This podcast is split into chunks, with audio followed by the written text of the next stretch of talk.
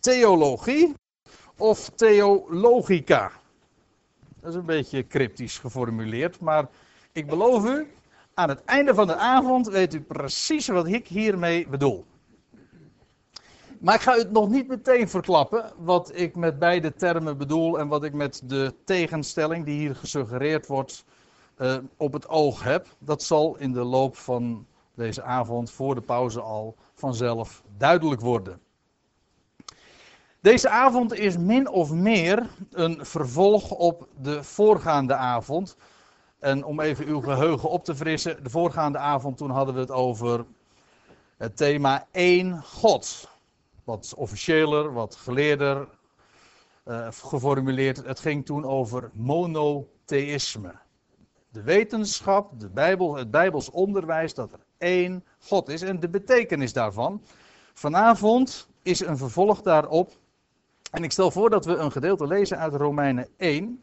U kunt zelf uw Bijbeltje pakken. U kunt ook gewoon meelezen van wat er geprojecteerd staat door de beamer. Romeinen 1, een prachtig hoofdstuk, zoals Paulus ook meteen aanheft. Maar ik begin pas uh, halverwege het hoofdstuk. Juist op een punt waar, waar de, de toonzetting wat ernstiger wordt. En dat eigenlijk helemaal niet zo blij begint. Ik kan het ook niet helpen, maar dat is dan toch een beetje het verhaal waar ik vanavond de draad wil oppakken. Kijk, in de voorgaande versen, Romeinen 1, vers 16, 17. Nou ja, 16 is een heel bekend vers. Wat zegt Paulus daar? Romeinen 1, vers 16. Er is zelfs, ik, ik weet, er is een gospelgroep die heet zo, Romeinen 1, vers 16. Want ik schaam mij het evangelie niet. Dat is het. Of zoals een andere vertaling zegt, want het evangelie beschaamt mij niet. Dat is ook een mooie. Kan beide. En dan legt Paulus dat uit wat dat evangelie Gods is. Nou, het is een kracht Gods tot een redding voor een ieder die gelooft. Maar dan in vers 18. Daar begin ik nu dus te lezen. Daar staat, daar schrijft Paulus, want toorn van God openbaart zich van de hemel over alle goddeloosheid en ongerechtigheid van mensen die de waarheid in ongerechtigheid ten onder houden. Eventjes voordat ik verder ga. Er, staat er wordt hier gesproken over Gods toorn die zich openbaart. Niet in de toekomst, maar nu, tegenwoordige tijd, die zich openbaart van de hemel over alle goddeloosheid en ongerechtigheid van de mensen. Er staat hier dus niet over alle goddeloze mensen, ook, of over alle onrechtvaardige of ongerechtige mensen. Nee, die toren van God die openbaart zich over alle goddeloosheid. Niet over de mensen, maar over dat waar ze zich mee bezighouden namelijk in hun godloosheid en daarmee ook in hun ongerechtigheid, maar is eigenlijk hetzelfde. Iemand die God kent, die is gerechtvaardigd. Iemand die hem niet kent, die is per definitie onrechtvaardig. Zo rekent God. Hè? God rekent geloof tot gerechtigheid. Je kunt ook negatief zeggen, ongeloof rekent hij tot ongerechtigheid. Maar dan even dat andere, hoe openbaart Gods toorn zich? Nou, ik moet het nu eventjes zeggen, later gaat Paulus het wel uitleggen in Romeinen 1. Maar dat is dan weer net een gedeelte wat we vanavond niet zullen bespreken. Dus ik moet het nu eigenlijk op voorhand eventjes aangeven. Die toren van God die zich vandaag openbaart over, de, over alle goddeloosheid en ongerechtigheid... is niet in, een zin, in de zin van dat God vandaag oordeelt of wraak oefent. Helemaal niet. We lezen later in Romeinen 1 tot 2 of drie keer toe... van dat God de mensheid overgegeven heeft. Dat wil zeggen, hij geeft de mensheid over, hij laat ze gewoon los. Als de mens niet met God te maken wil hebben, en dat is eigenlijk gewoon in het algemeen de, de, toestand van de wereld. De mens wil niet met God rekenen. Oké, zegt God, ga je gang. Hij geeft ze gewoon daarin over. Ga je gang. En, en God onttrekt zich daar, daarvan. Dat is waarin die toren van God zich dus ook openbaart. Dus het is niet zo dat God daarin openbaar wordt. Integendeel, die toren van God openbaart zich juist daarin dat hij zich onttrekt. Zo van, zoek het dan maar uit. En dan mogen jullie het dus zelf eens eventjes uh, ondervinden wat het betekent om zonder mij te leven. Dat is eigenlijk de gedachte. Want uiteindelijk zit daar zijn liefde achter natuurlijk. zodat de mens uiteindelijk hem zou zoeken. Goed, ik lees verder in vers 19, want waar, oh, eventjes, uh, want er staat dus nog, dat moet ik nog even zeggen. Oh, dan moet ik niet te ver gaan. Uh, over die mensheid, die goddeloze, de, over alle goddeloosheid en ongerechtigheid van mensen. En dan staat erbij, die de waarheid in ongerechtigheid ten onderhouden. Waar, waar, over welke waarheid heeft hij het hier? Dat is in het algemeen trouwens een karakteristiek van, van de wereld. Hier, wordt, hier gaat het heel specifiek over een, een, eh, een bepaalde waarheid, waarover straks meer. Maar in het algemeen is het zo dat de waarheid ten onder gehouden wordt. In de wereld mag dat niet verteld worden. Men heeft de, zo staat het elders in Johannes-evangelie, geloof ik, ja, in Johannes-evangelie. Men heeft de leugen liever dan de waarheid. Want de waarheid, u weet het, die kan hard zijn. Ja. En bovendien zet het de mens, uh, dat is uiteindelijk het verhaal, het feit dat uh, de waarheid in ongerechtigheid ten onder gehouden wordt. De waarheid is namelijk dat het om God gaat. En dat zet de mens van zijn troon. En dat is niet leuk. Hoe dan ook, uh, de mensheid die houdt de waarheid in ongerechtigheid ten onder. En dan staat er, dat wordt dan verklaard in vers 19. Daarom dat hetgeen van God gekend kan worden, in hen openbaar is. Want God heeft het hun geopenbaard. Dus wat hier staat, uh, in zekere zin en tot op zekere hoogten kan God gekend worden. En dat weet men, dat is in hen openbaar. Men weet daarvan, want staat er, want God heeft het hun geopenbaard. Dat, dat vraagt weer een toelichting, en die krijgen we dan ook in vers 20. Want hetgeen van hem niet gezien kan worden, en u weet het, maar daar hadden we het de vorige keer al over. God is per definitie de onzichtbare, de onzienlijke. Hetgeen van hem niet gezien kan worden, zijn eeuwige kracht en goddelijkheid.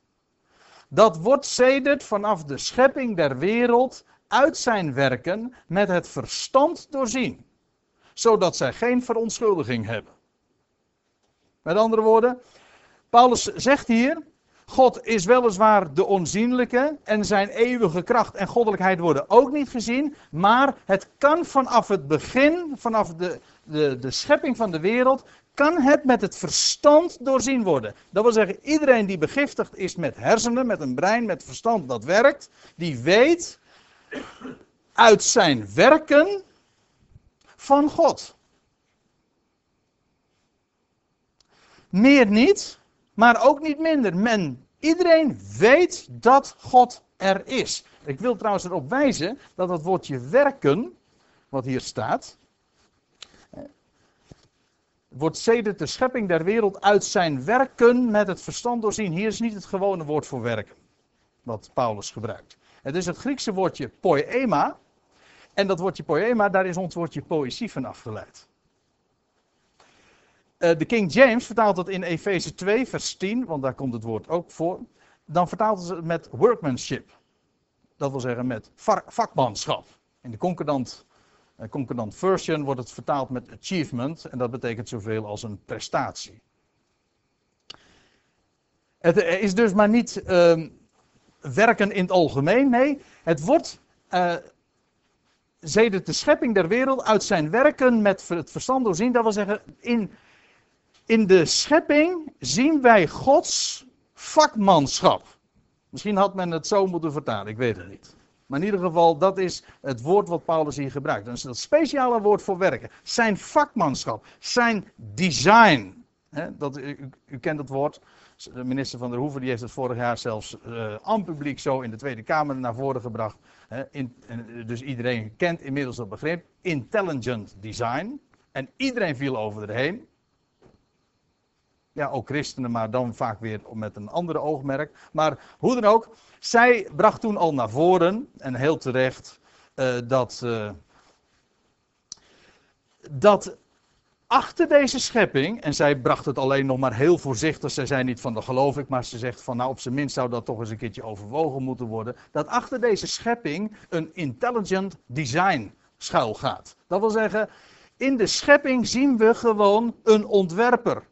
Zo, met zo'n ongelofelijke intelligentie, dat is, dat is ongelooflijk. een complexiteit die daarin zichtbaar wordt.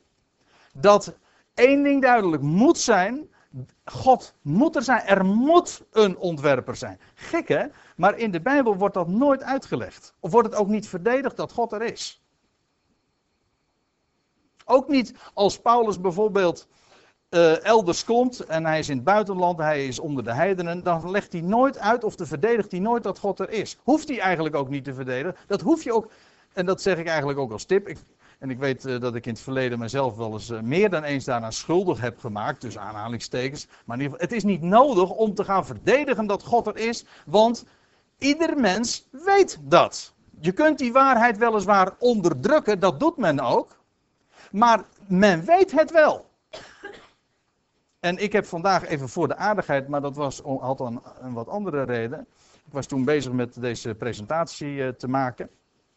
En toen tikte ik even in Google uh, Intelligent Design in. En toen viel me op in dat het was allemaal negatief. Alle, waarbij uh, allemaal zogenaamde, heb je het weer, zogenaamde wetenschappelijke artikelen. er is een, een blad dat heet Skepsis. En daarin uh, hebben vele artikelen gestaan waarin vooral toch maar uitgebazuind moest worden dat het belachelijk is dat er achter deze wereld een intelligent design schuil zou gaan. En uh, nou, u moet het zelf maar eens een keertje anders uh, uittesten. Hoeveel, hoeveel daartegen gefulmineerd wordt. En dat is allemaal een prachtig voorbeeld van wat het is. De waarheid in ongerechtigheid en onderhouden. Want dat is namelijk zo duidelijk. Elk mens weet dat. Hij is er. En als Paulus in Lystra komt, in Handelingen 14 lees je het, of hij komt daar in, uh, in Athene, dan gaat hij niet verdedigen dat God er is. Hij vertelt gewoon, God is er en hij is God. Dat vertelt hij. Hij vertelt niet dat God er is, want dat weet elk mens. En Paulus zegt hier ook, het is God, het is in hen openbaar, want God heeft het hen geopenbaard. En iedereen die zijn verstand gebruikt, die weet dat. En zelfs mensen die atheïst zijn, en atheïsme betekent letterlijk uh, de ontkenning van God, dat, is vaak, dat zijn uh, vaak anonieme theïsten. Nou, je hebt ook anonieme alcoholisten, maar je, ik heb het nu veel atheïsten zijn anonieme theïsten. Dat wil zeggen, ze weten wel dat God er is, alleen ze fulmineren tegen de bestaande godsconcepten, de godsbeelden die gepresenteerd worden in de religie. En geef ze daar eens ongelijk in.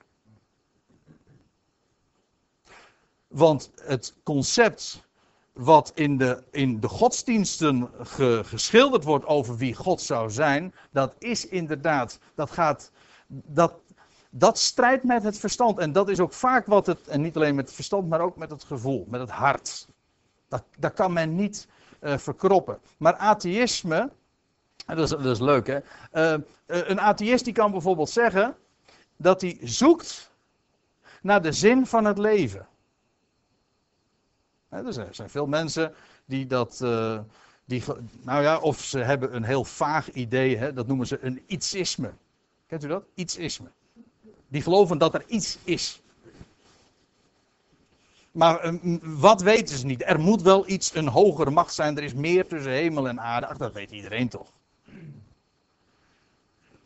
Maar dus ben je op zoek naar de zin van het leven. Maar als je op zoek bent naar de zin van het leven.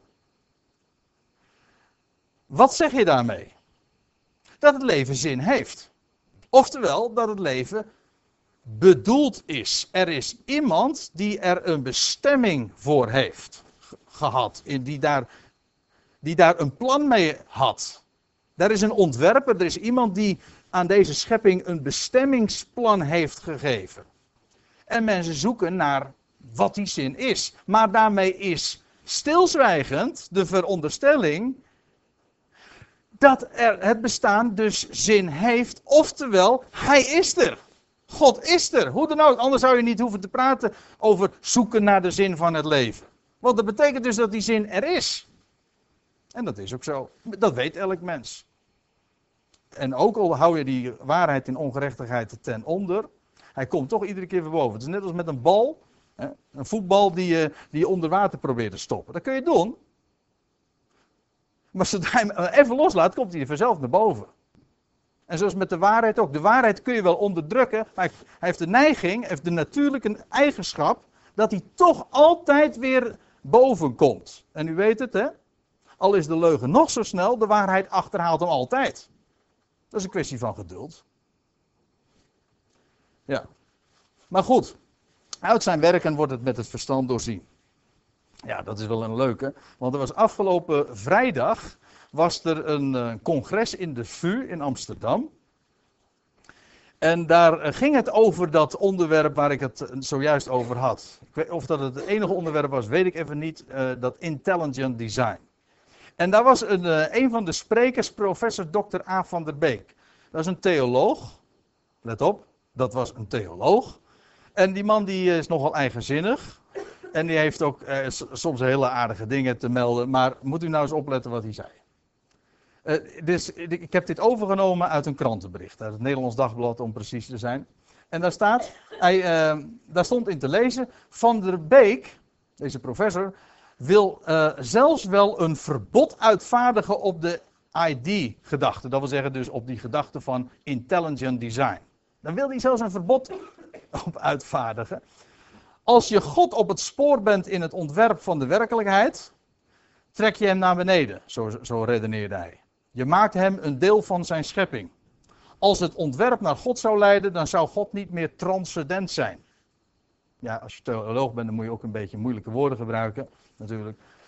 Maar transcendent wil zeggen gewoon uh, superieur, hè, er bovenuitgaand. En uh, wat Van der Beek hier gewoon ronduit ontkent, is wat Paulus in Romeinen 1 zo duidelijk zegt. Met het uit zijn werken wordt het met verstand doorzien dat God er is. En Van der Beek zegt nee, dat is helemaal niet. Maar weet je wat er eigenlijk achter zit? Kijk, ook Van der Beek weet heel goed dat achter alles, zelfs als je als je een, een klein één van de miljarden lichaamcellen neemt, dan is dat al zoveel malen ingewikkelder en complexer en ingenieuzer dan welke computer ook. Dan heb ik het over één van de miljarden lichaamcellen. Dat weet iedereen. Dat weet ook deze theoloog. En hij zegt, maar toch wil hij niet aan dat gedachte van een ontwerp. Weet u waarom? Nou, de aap kwam uit de mouw later in het artikel. Want wat, wat, schreef, uh, wat stond er geschreven? Als we geloven dat er een intelligente God is, die de wereld gemaakt heeft, dan gelooft hij ook wel. Snappen we niet dat de wereld is zoals die is. Hij noemt het voorbeeld van een gehandicapt kind. Wie gelooft in een intelligent ontwerp, moet erkennen dat er heel veel in dat ontwerp helemaal, helemaal niet intelligent of zelfs kwaad is. Kijk, dit is de bottleneck. Voelt u wat Van der Beek eh, hier zegt? Hij zegt, ja, eh, die schepping vertoont dan misschien wel een ontwerp, maar toch wil ik er niet aan. Want als dat inderdaad een ontwerp is, hoe zit het dan met dat kwaad? En hij geeft hier het voorbeeld van een gehandicapt kind, maar dat lijstje kan wel wat langer gemaakt worden hoor. En de hele wereld schreeuwt het als het ware uit. Dat kwaad waar hij het over heeft. Hij wilde niet aan dat God ook dat een plaats geeft. Dat dat ook deel uitmaakt van Gods ontwerp. Nou, daar komen we vanavond uh, uh, verder nog wel over te spreken. Maar dat is de echte reden. Dat is de echte reden die hij hier noemt.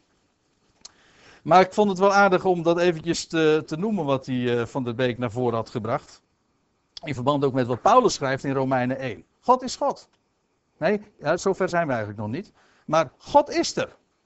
En uit zijn werken, uit zijn vakmanschap, uit, zijn, uit uh, de hele schepping weten we, er is een schepper. Goed. Dan gaan we naar Romeinen 1, vers 21.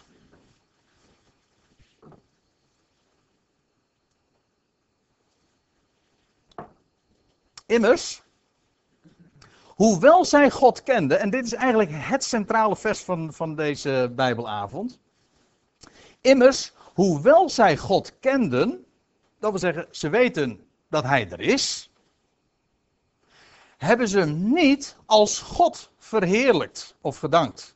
Maar hun overleggingen zijn op niets uitgelopen. En het is duister geworden in hun onverstandig hart. En nu komen we op een heel belangrijke vraag. Daar stuit je als vanzelf op.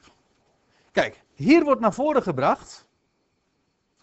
De hele mensheid is ervan op de hoogte dat God er is. De mens is gewoon van nature religieus. Hij weet God is er, hij zoekt God ook. Ja, u, nu, nou hoor ik u zeggen van er is toch niemand die God zoekt. Nee, maar mensen weten dat God er is en op een of andere manier zoekt men hem, zoekt men hem alleen men zoekt hem verkeerd. Dat is wat hier ook namelijk staat. Men weet dat hij er is, maar ze kennen God wel. Ze weten namelijk dat, hij, dat hij er is, maar ze hebben hem niet als God verheerlijkt of gedankt. Het gaat er dus niet om dat men niet weet dat God er is. Het, gaat er, het probleem is, en dat is de waarheid die ten onder gehouden wordt, niet dat het bestaan van God ontkend wordt. Bijna niemand doet dat. En zelfs, nou daar hadden we het net over, en zelfs degenen die het wel doen, die blijken verkapt nog wel degelijk te weten dat hij er is.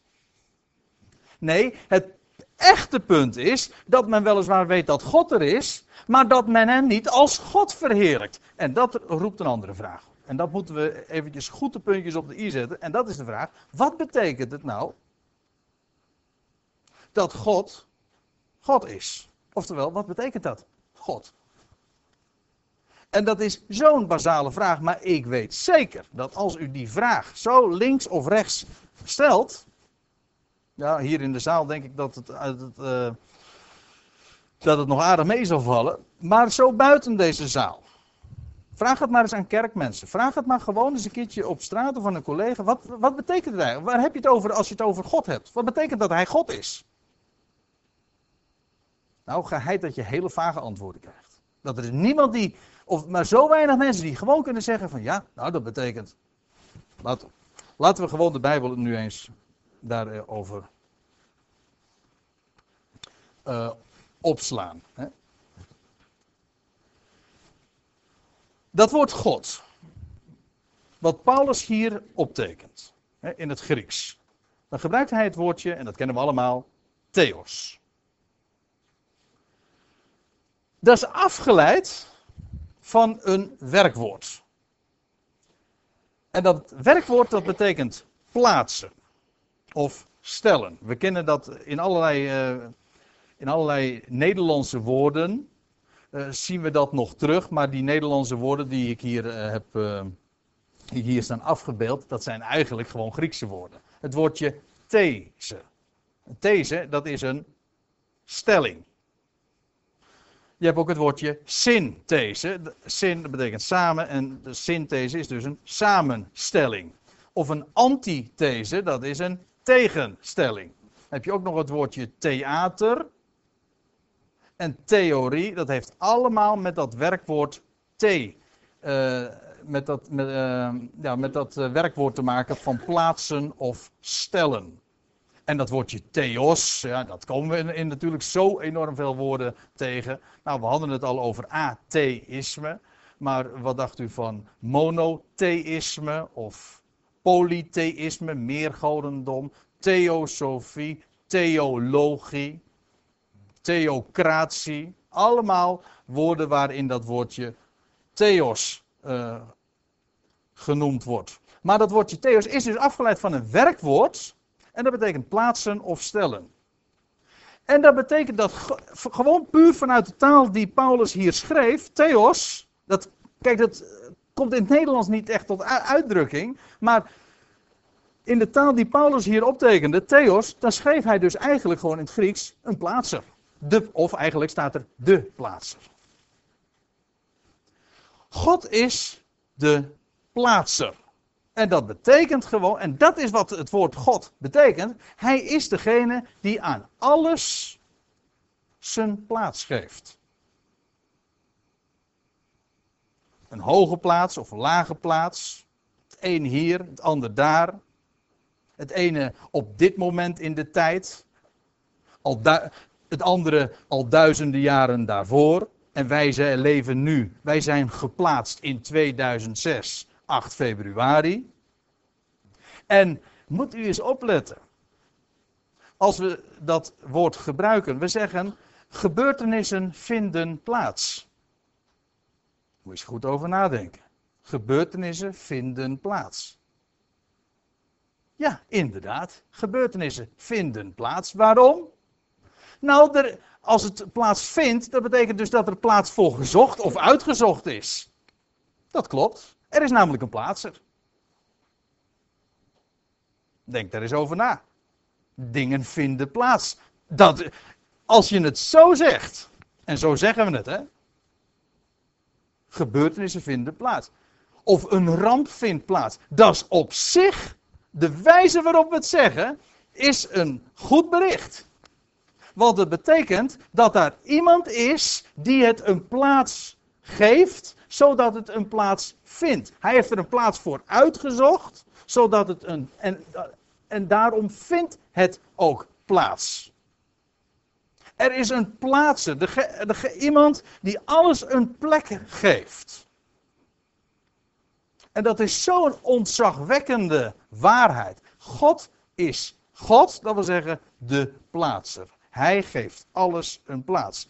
Dat is vanuit het Grieks. Als je het vanuit het Hebreeuws benadert, dus de Hebreeuwse Bijbel, zoals de Joden dat kennen. Het Oude Testament is geschreven in het Hebreeuws en die, kennen het, die hebben het woordje el of al. En dat woord betekent letterlijk de onderschikker, of eigenlijk wellicht beter nog de beschikker. En vandaar ook allerlei afgeleide betekenissen namelijk van uh, machtig. Uh, ja, God is machtig of almachtig. Maar het woord uh, El, dat betekent eigenlijk beschikker. Ook afgeleid trouwens van een werkwoord en dat betekent beschikken. En zodat de waarheid die in het Grieks naar voren gebracht wordt, en de waarheid die in het Hebreeuws naar voren gebracht wordt, feitelijk één compleet plaatje leveren, maar feitelijk ook dezelfde waarheid naar voren brengen. Iets met een slechts iets, uh, een, een klein nuanceverschil. God is plaatser, oftewel de beschikker, maar hij kan ook plaatsen omdat het hem ter beschikking staat. Of het staat hem ter beschikking en daarom plaatst hij het. Dat is God. Hij is de plaatser of beschikker. En omdat er maar één God is, is er dus ook maar één iemand die alles een plaats geeft. Hij plaatst en beschikt dus alles. Nou, daar hadden we het de vorige keer al over.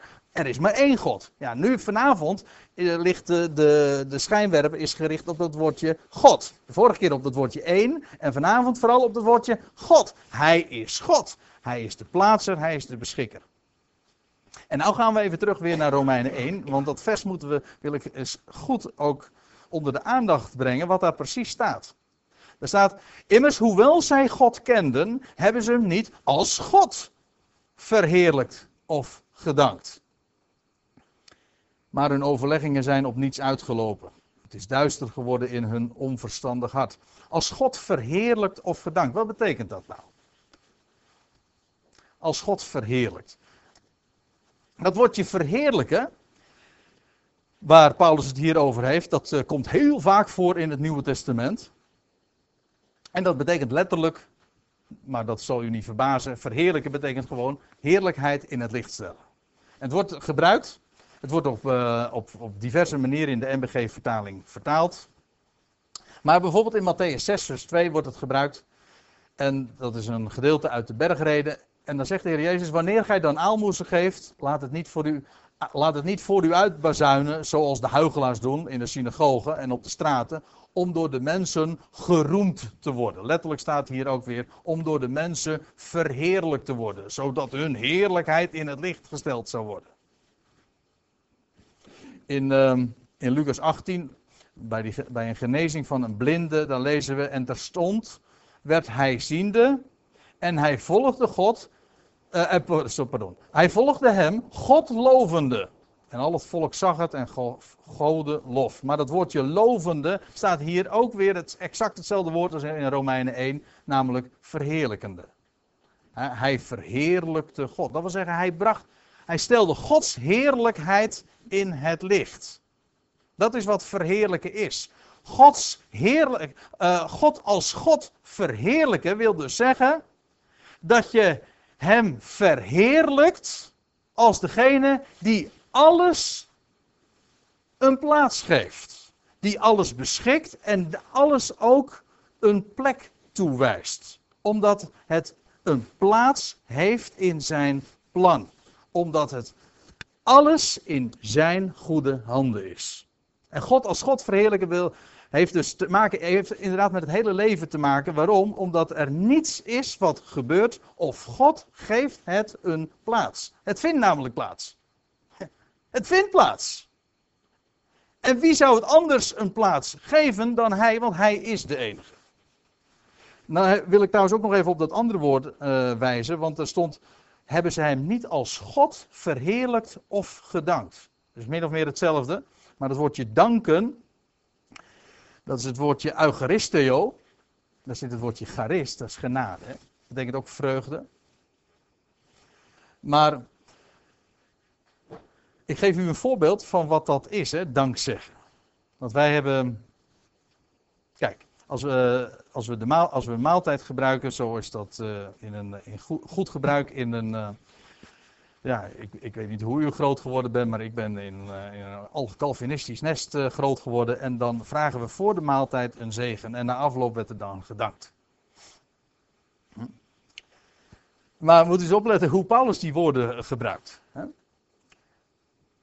In vers uh, eh, 16 van 1 Korinthe 14 zegt Paulus, en dan gaat het over het spreken in een onverstaanbare taal. Dat is even het verband. En dan zegt hij, want anders, indien gij een zegen uitspreekt met uw geest, dat wil zeggen in onverstaanbare taal, zodat de anderen het niet begrijpen.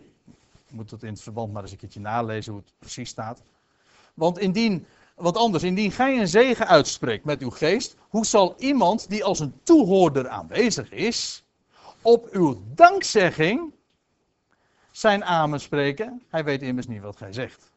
Waar ik, waarom ik dit nu even aanhaal, is om aan te geven: een zegen uitspreken is exact hetzelfde als danken. De zegen is namelijk juist de dankzegging. Ja, klopt ja. Oh, wacht even. Bij de eerste keer al bedoel je? Ja. Ja, dat heeft er ook mee te maken. Dus dat, datzelfde uh, uh, verhaal kun je vertellen in verband met 1 Korinthe 10. Daar gaat het over de drinkbeker der dankzegging. Staat er dan in de NBG-vertaling. Maar er staat letterlijk de, dink, de, drink, pardon, de drinkbeker der zegening. Dat staat er letterlijk. Want die wij dankzeggend zegenen. Dat is trouwens een hele leuke. Want dan weet je meteen ook hoe zegenen uh, plaatsvindt. Hoe worden dingen gezegend? Door dankzegging. Dingen worden dankzeggend gezegend. Dat is exact hetzelfde. Mensen vragen, ja, ik weet niet hoe, uh, hoe u dat hebt, maar uh, er, zijn, er zijn zoveel woorden, zoveel begrippen in ons vocabulaire, in onze woordenschat, die, en dat bedoel ik vooral onze bijbelse, in onze geloofswoordenschat, uh, die we gebruiken, die we vaak te pas en te onpas gebruiken, maar die niet echt een betekenis hebben. Nou, één daarvan is God. We praten over God, maar we weten echt niet waar we het over hebben. Ja, we knikken allemaal, ja, ja, God, ja. Maar wat betekent het nou dat God God is? Nou, ik hoop het u net aangegeven te hebben, we komen er nog verder over te spreken. Maar een ander woord, een ander voorbeeld daarvan is zegen. Wat is zegen? Je vraagt een zegen. Je vraagt een zegen over de maaltijd. Je vraagt een zegen over de, over de komende avond. Je vraagt een zegen. Wat is dat? Een zegen. Hoe weet je nou dat je, hoe weet je, nou dat je gezegend bent? De zegen is een gezegende maaltijd, is een maaltijd waarvoor je dank zegt. Dus het is in, in, dat licht is het heel vreemd om voor, voor, voor de maaltijd een zegen te vragen en na afloop te danken. In de Bijbel vind je dat ook niet. In de Bijbel wordt gewoon bij voorbaat gedankt. En dat is trouwens ook leuk, want daar staat in het ene evangelie dat de Heer, de Heer Jezus bijvoorbeeld, hè, bij de wonderbare spijziging, maar het staat er wel vaker, de zegen uitsprak. En in een andere evangelie lees je dan dat hij dankte. Ja. Het verschil is er niet. Het is namelijk hetzelfde. De zegen is juist de dankzeggen. Een gezegende maaltijd is niet een maaltijd die lekker smaakt. Nee, nou niet noodzakelijk. Het is een, dat is een maaltijd waarvoor je dank zegt. En dan begrijp je ook dat alles een zegen kan zijn, maar omgekeerd ook alles kan een vloek zijn. Is gezondheid een zegen? Nou, ik dacht het wel. Dat wil zeggen, als je hem dank zegt. Maar als je hem dank zegt, kan zelfs ziekte een zegen zijn. Dat is niet gelegen in gezondheid of ziekte of voorspoed. Is voorspoed een zegen? Of is tegenspoed een zegen? Nou, voor sommige mensen is voorspoed een vloek en tegenspoed juist een zegen. Dat kan allemaal. Het heeft te maken met de wijze hoe je dat ondergaat. Of je hem, of je God verheerlijkt en dankt. Dat is wat bepalend is voor, voor de zegen. En de zegen is juist dat je hem ook dank zegt. Ja. Ik ga weer even terug naar Romein 1, want er, er zijn nog meer frasen, nog meer uitdrukkingen die hier gebruikt worden, die toch eventjes onze aandacht vragen. Ik lees de zin nog een keertje. Immers, hoewel zij God kenden, hebben ze hem niet als God verheerlijkt of gedankt. Maar staat er, hun overleggingen zijn op niets uitgelopen. Ziet u hoe desastreus het is, hoe rampzalig het is, als God niet als God verheerlijkt wordt. Dat men weliswaar weet dat hij er is, ja, daar heb je nog helemaal niks aan als je hem niet als God verheerlijkt, want dan lopen je redeneringen alsnog op niets uit. Er staat letterlijk trouwens, op niets uitgelopen, uh, verijdeld. Je redeneringen worden gewoon verijdeld. Ja, ik heb er een plaatje al erin uh, geplaatst. Die komt uit de Good News Bijbel. Dat is, een leuk, dat is een heel leuk plaatje. Plaatje uit het boek Prediker. Dan zie je koning Salomo, want dat moet het voorstellen. Die zie je achter wind aan jagen. U kent het toch, hè? Dan staat de uh, prediker die, die zo vaak zegt van... En zie, het was alles ijdelheid en najagen van wind. Nou, dat is echt ijdel hoor, om naar wind te proberen te pakken. Dat lukt je niet. Nou, dat is, dat is ijdel. Gewoon leidt tot niks. Dat is wat ijdel is. Ijdel, het woord, het, uh, het Bijbels of het Griekse woord voor ijdel betekent ook leeg. Trouwens, het Hebreeuwse woord ook. Betekent gewoon leeg. En het wordt uh, vaak ook op een andere manier vertaald. In 1 Korinthe 15 gezegd Paulus, indien Christus niet is opgewekt, dan is uw geloof zonder vrucht. Ja, maar het staat exact hetzelfde woord als in Romeinen 1 vers 21. Dus uw geloof ijdel. Leeg. Stelt niks voor. Gewoon flauwkul. Leeg. Najagen van wind.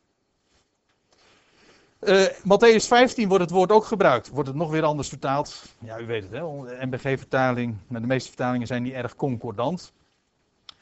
Uh, maar daar staat: Te vergeefs eren ze mij, omdat zij leringen leren die geboden van mensen zijn. Dus die eer die uh, het volk Israël, want daar gaat het over, die eer die ze aan God brachten. Paulus, of de heer Jezus zegt van nou, het is te vergeefs. Het is ijdel, het is leeg. Waarom? Omdat zij leringen leren die geboden van mensen zijn. En dan kun je weliswaar godsdienstig zijn. Maar als je God niet als God erkent, dan is het nog te vergeefs. Ijdel, leeg. Ja. Nou, en dat brengt me dan uiteindelijk uh, toch ook uh, bij, uh, ja, bij, de, uiteindelijk, bij de titel die ik al aan het begin van de avond doorgaf.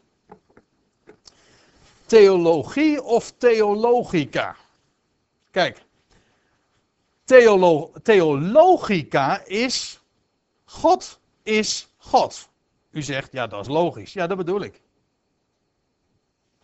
God is God. Namelijk, Hij is degene die plaats, die alles zijn plek geeft. Dat is God als God verheerlijken. Nee, dat is God als God erkennen. Als je hem God als God verheerlijkt, dat wil zeggen dat je hem in alles wat plaatsvindt, hem erkent als degene die het een plaats geeft. Goed of kwaad, hij is degene die het, hoe dan ook, een plaats geeft omdat het in zijn goede handen is. Theologie, Ja, sorry dat ik het een beetje negatief dan neerzet, maar theologie is een grote verzamelbak. Hè? Want ja, wat is een theoloog? Dat is iemand die zich op een of andere manier met God bezighoudt. Maar dat kan een boeddhist zijn, dat kan een Mohammedaan zijn, dat kan een, een vrijzinnig iemand zijn, dat kan een, orthodox iemand zijn. Dat zijn allemaal, daar kun je allemaal een graad in behalen in de theologie. Dan ben je een theoloog. En je kunt zelfs een atheïst zijn. Een atheïstische theoloog. Ja. Ja, er is een hele bekende theoloog, misschien wel de bekendste theoloog, die logent Theo. Ja, die, ja. ja, echt waar, die logent Theo. De Theos. Letterlijk. Uh, een man die uh, uh, ooit als hoogleraar in de gereformeerde theologie les gaf op de VU, in diezelfde VU waar ik het al eerder over had in Amsterdam. Dok, professor Dr. H.M. Kuitert. Die heeft een heleboel theologische boeken geschreven. En zijn laatste boek is. Nou, ik weet niet meer precies uh, wat de titel ervan is, maar het komt erop neer: God is er niet. Nou, dan zijn je redeneringen echt verijdeld hoor.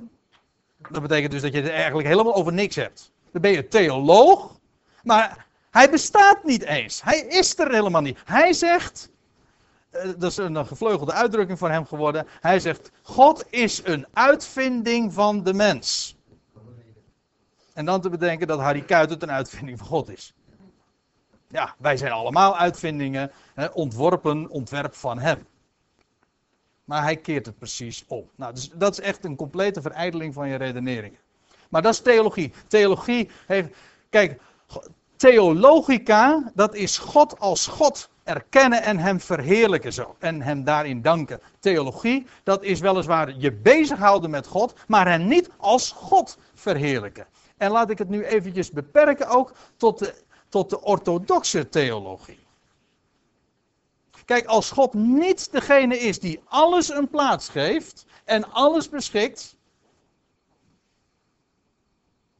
Weet u wat de consequentie is? Dat er dus ook van alles mis kan gaan. Want ja, hij heeft niet alles in de hand. Hij kan niet alles een plek geven. Er lopen hem ook dingen gewoon uit de vingers. Dat, hij heeft het gewoon niet allemaal onder controle. En laat ik u dit zeggen. Zo wordt het ook inderdaad in de theologie. Ik bedoel nu niet de vrijzinnige. In de orthodoxe theologie wordt het zo geleerd. Het is ooit in het verleden misgegaan. Ja, zo wordt het verteld. Het, het is ooit misgegaan. Mensen, denk daar nou eens heel goed over na. Als het in het verleden ooit mis is gegaan, dat is een drama. Als dat zo, zo zou zijn.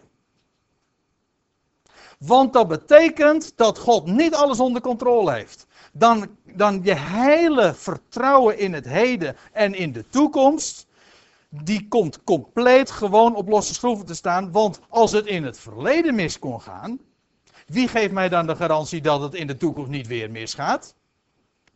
Nou, eigenlijk kan ik het wel verklappen. Die garantie kunnen ze ook niet geven. Nee, want in het verleden ging het mis, u weet het toch, hè? Dat verhaal van dat God de wereld, eh, de, de God eh, de hemel en de aarde maakte, dat is bekend natuurlijk. En nou ja, het was allemaal goed. En toen kwam daar die Lucifer in opstand en die viel en die nam nog een heel groot gedeelte van die hemelse uh, legioenen van creaturen, nam die mee in zijn val. En uiteindelijk toen God op aarde de mens neerzette, toen ging het weer mis. Was ook helemaal niet zijn planning. En nou, toen moest God uh, op plan B overschakelen en nog maar redden wat het te redden viel. Hè? Ja, dat zou betekenen alles, maar daarin lukt, dat lukt hem ook niet. Want ja, als het ooit misging, uh, dan gaat ook nu van alles mis. Als God niet de als God niet God is, wel, dan kon het in het verleden misgaan, dan gaat er nu van alles mis. En dan blijft het ook uiteindelijk ook allemaal mis. Ja, dat is ook precies gewoon de consequentie van die leer, want het komt nooit goed. En ik heb het nogmaals, ik heb het hier dus over orthodoxe theologie. Die gewoon ook inderdaad zegt, het komt niet allemaal goed. Die zegt zelfs een groot gedeelte, daar zijn verschillende gradaties in. Sommigen zeggen een, uh, een groot gedeelte, anderen zeggen een minder groot gedeelte, maar in ieder geval een gedeelte.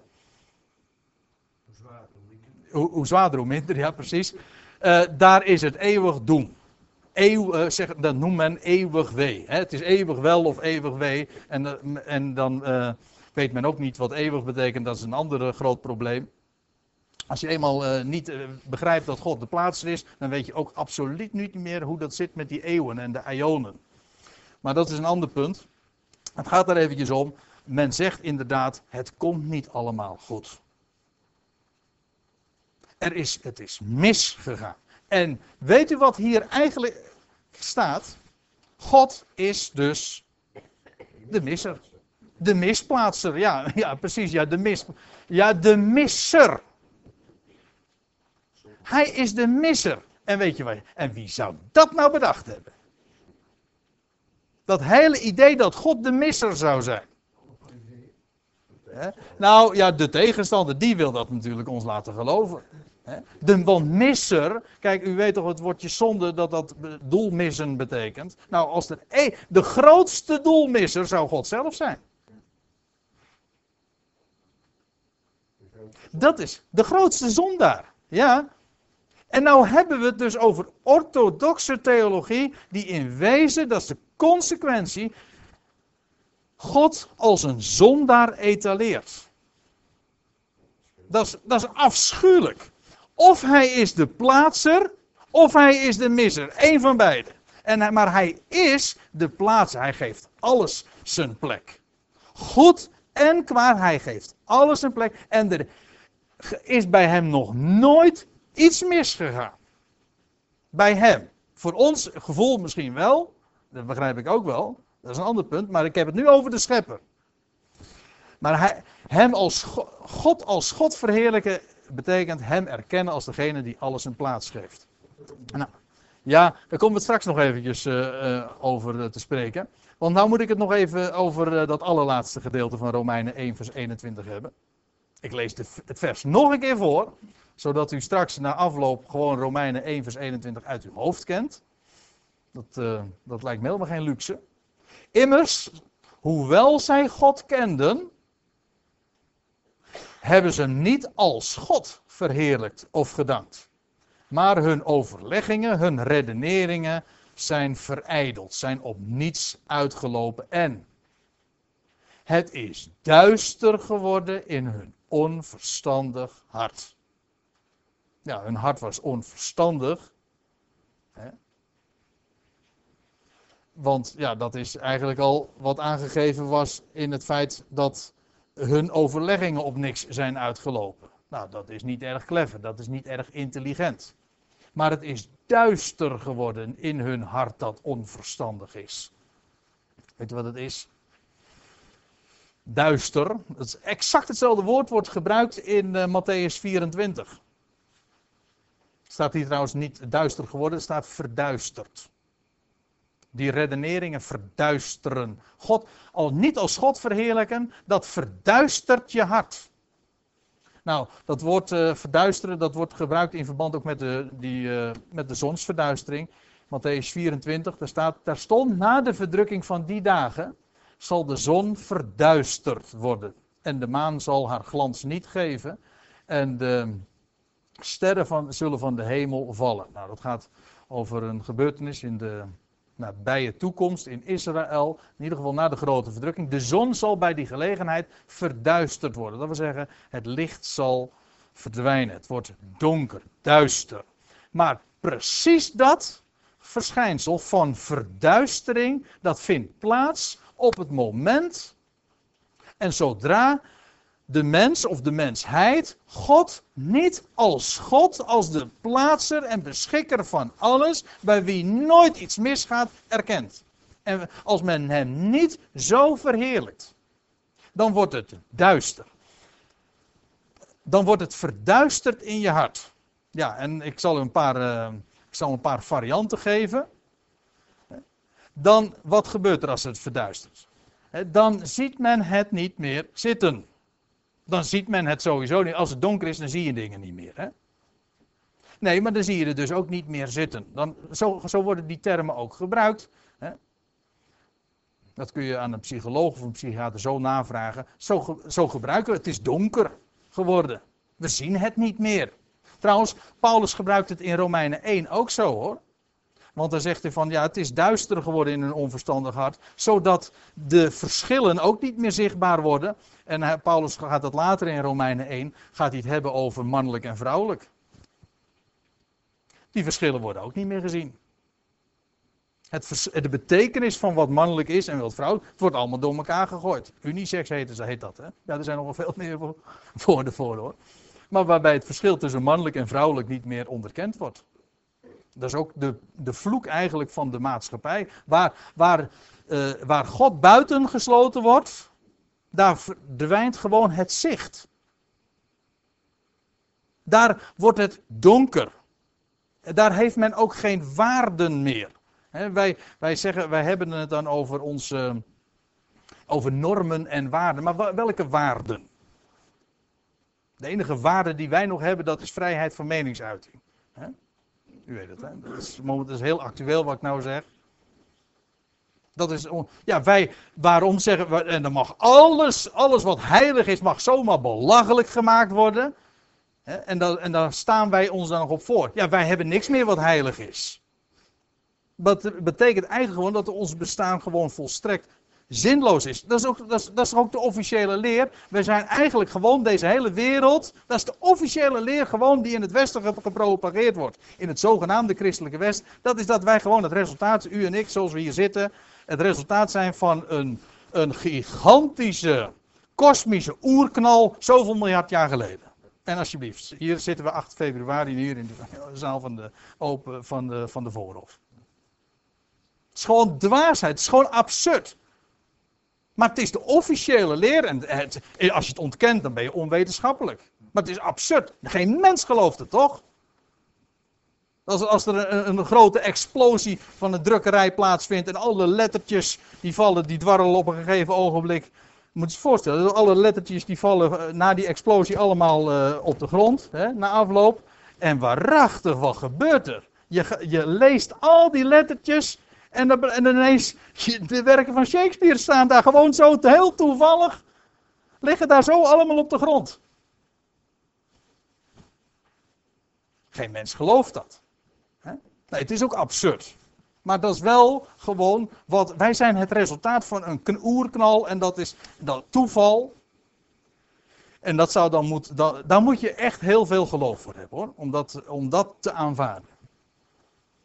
Maar het resultaat is wel, want dat is wat ik bedoelde te zeggen. Als wij inderdaad het resultaat zijn van een gigantische oerknal, de Big Bang, dan betekent dat ons bestaan dus gewoon doelloos is.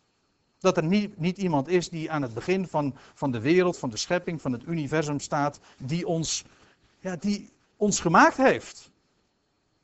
Met voor een doel. Dat betekent dat ons bestaan dus doelloos is. En dat die hele vraag naar de zin en het, en het doel van het bestaan, de vraag naar zingeving, gewoon een, een illusie is. Daar is geen antwoord op. Nou, daar word je niet vrolijk van hoor. Als je dat goed op jou laat inwerken, dat het bestaan eigenlijk helemaal gewoon volstrekt zinloos is.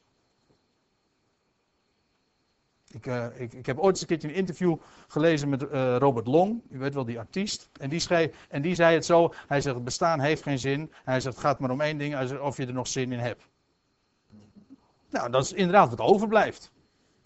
Dat is het enige wat overblijft. Het bestaan heeft geen zin, maar dan is het duister geworden in je, inderdaad in je onverstandig hart. Dan zie je het niet meer, dan zie je het niet meer zitten. En dan, dan streef je inderdaad, dan zoek je naar zingeving en verlichting. Ja. Maar wat is licht? Nou, het is, de sleutel geeft Paulus gewoon in Romeinen 1. Daar staat het gewoon. God als God verheerlijken. Als de grote plaatser. En dat is licht. Dat is de zegen. Dat is precies wat een mens nodig heeft. Oh ja, dat is nog een ander ding wat ik, uh, die ik zo uh, hier ook noem. Uh, men, eh, als mensen naar de psychiater toe gaan, Ik heb dat al vaak gehoord, of naar een psychotherapeut. En daar bedoel ik helemaal niks kwalijks mee te zeggen. Ik bedoel helemaal niet voor schenen te schoppen. Integendeel. Maar wat je vaak hoort is de uitdrukking. Ehm, je gaat daar naartoe. Want ja, je, de dingen moet je weer een plekje kunnen geven. Ongeacht wat het dan ook is. Hè. De dingen moeten weer een plekje krijgen. Moet je even over nadenken. De dingen moeten een plekje krijgen. Als je weet dat er een plaatser is die alles een plaats gegeven heeft, dan scheelt dat een heleboel.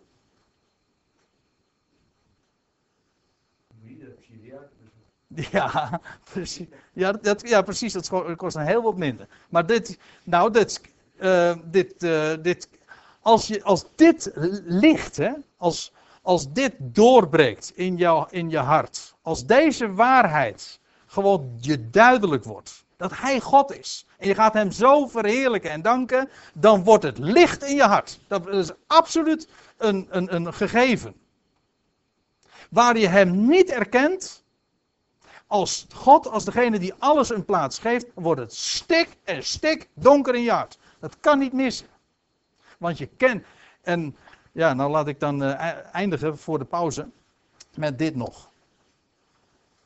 Maar ik positief eindigen, ook uh, voordat we een kopje koffie gaan drinken. Theologica, daar hadden we het over. Hè? Dat betekent dus God als God verheerlijken of danken. En dan wordt, de, kijk, als theologie, dat is God niet als God erkennen. En dan worden de redeneringen verijdeld en het wordt donker in je onverstandig hart. Maar omgekeerd, als je God wel als God verheerlijkt en dankt, dan worden je redeneringen niet verijdeld. Nee, dan wordt het denken juist heel zinvol en efficiënt. Dat is de meest effectieve manier om van je verstand gebruik te maken. Dat brein dat God ons gegeven heeft. Erken God als God. Wil straks na de pauze allerlei voorbeelden daar ook van geven. Van mensen die in de Bijbel genoemd worden en die inderdaad die theologica kenden. Die God als God verheerlijkten en dankten. Wat dat betekent en kan betekenen. En het hart dat wordt verlicht. Dan gaat het dan gaat stralen. En de wereld is inderdaad donker. En de reden is heel simpel. Men kent God niet. Ja, men, kent, men weet wel dat hij er is, maar men kent God niet als God. Daar gaat het om. En dan eindig ik met wat er staat in 2 Korinthe 4, vers 6. Want de God, de God, de plaats, die gesproken heeft, licht schijnen uit het duister, wel, die heeft het doen schijnen in onze harten. Om ons te verlichten met de kennis van de heerlijkheid van God. In het aangezicht van Christus. Want u weet het, hè? maar daar hadden we het de vorige keer al over. Dat Christus het gezicht is van God. Van de onzichtbare God. Hij is het gezicht. Maar het gaat erom, dat ging mij nu eventjes. Dat wij verlicht worden door de kennis van de heerlijkheid van God.